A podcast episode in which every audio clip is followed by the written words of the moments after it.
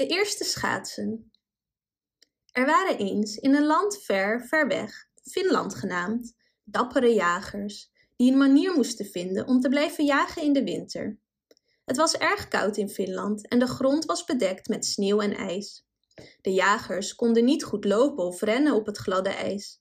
En om het ijs heen gaan zou te veel tijd kosten. Ze moesten ook een manier vinden om energie te besparen, aangezien jagen in de winter erg moeilijk was. Ze moesten dus een manier vinden om zich gemakkelijker op het ijs te verplaatsen. Op een dag kreeg een slimme jager een idee.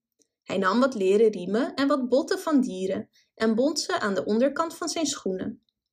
Toen hij ze uitprobeerde, merkte hij dat hij met gemak over het ijs kon glijden. De andere jagers waren erg onder de indruk en wilden ook allemaal een paar schaatsen. Al snel gebruikte iedereen in het dorp schaatsen om te jagen. En de uitvinding wierp zijn vruchten af. Met de schaatsen konden ze veel meer terrein bestrijken dan te voet, terwijl ze energie bespaarden. Maar de schaatsen waren niet alleen handig voor de jacht. Er waren veel meren in Finland en in de winter werden de dorpen door ijs van elkaar gescheiden.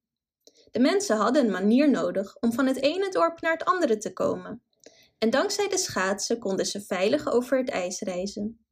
Ze gebruikten de schaatsen om hun vrienden en familie in andere dorpen te bezoeken.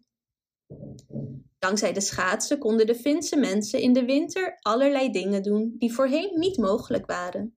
Ze waren in staat om te jagen, hun vrienden en familie te bezoeken en zelfs plezier te hebben met het schaatsen op het ijs.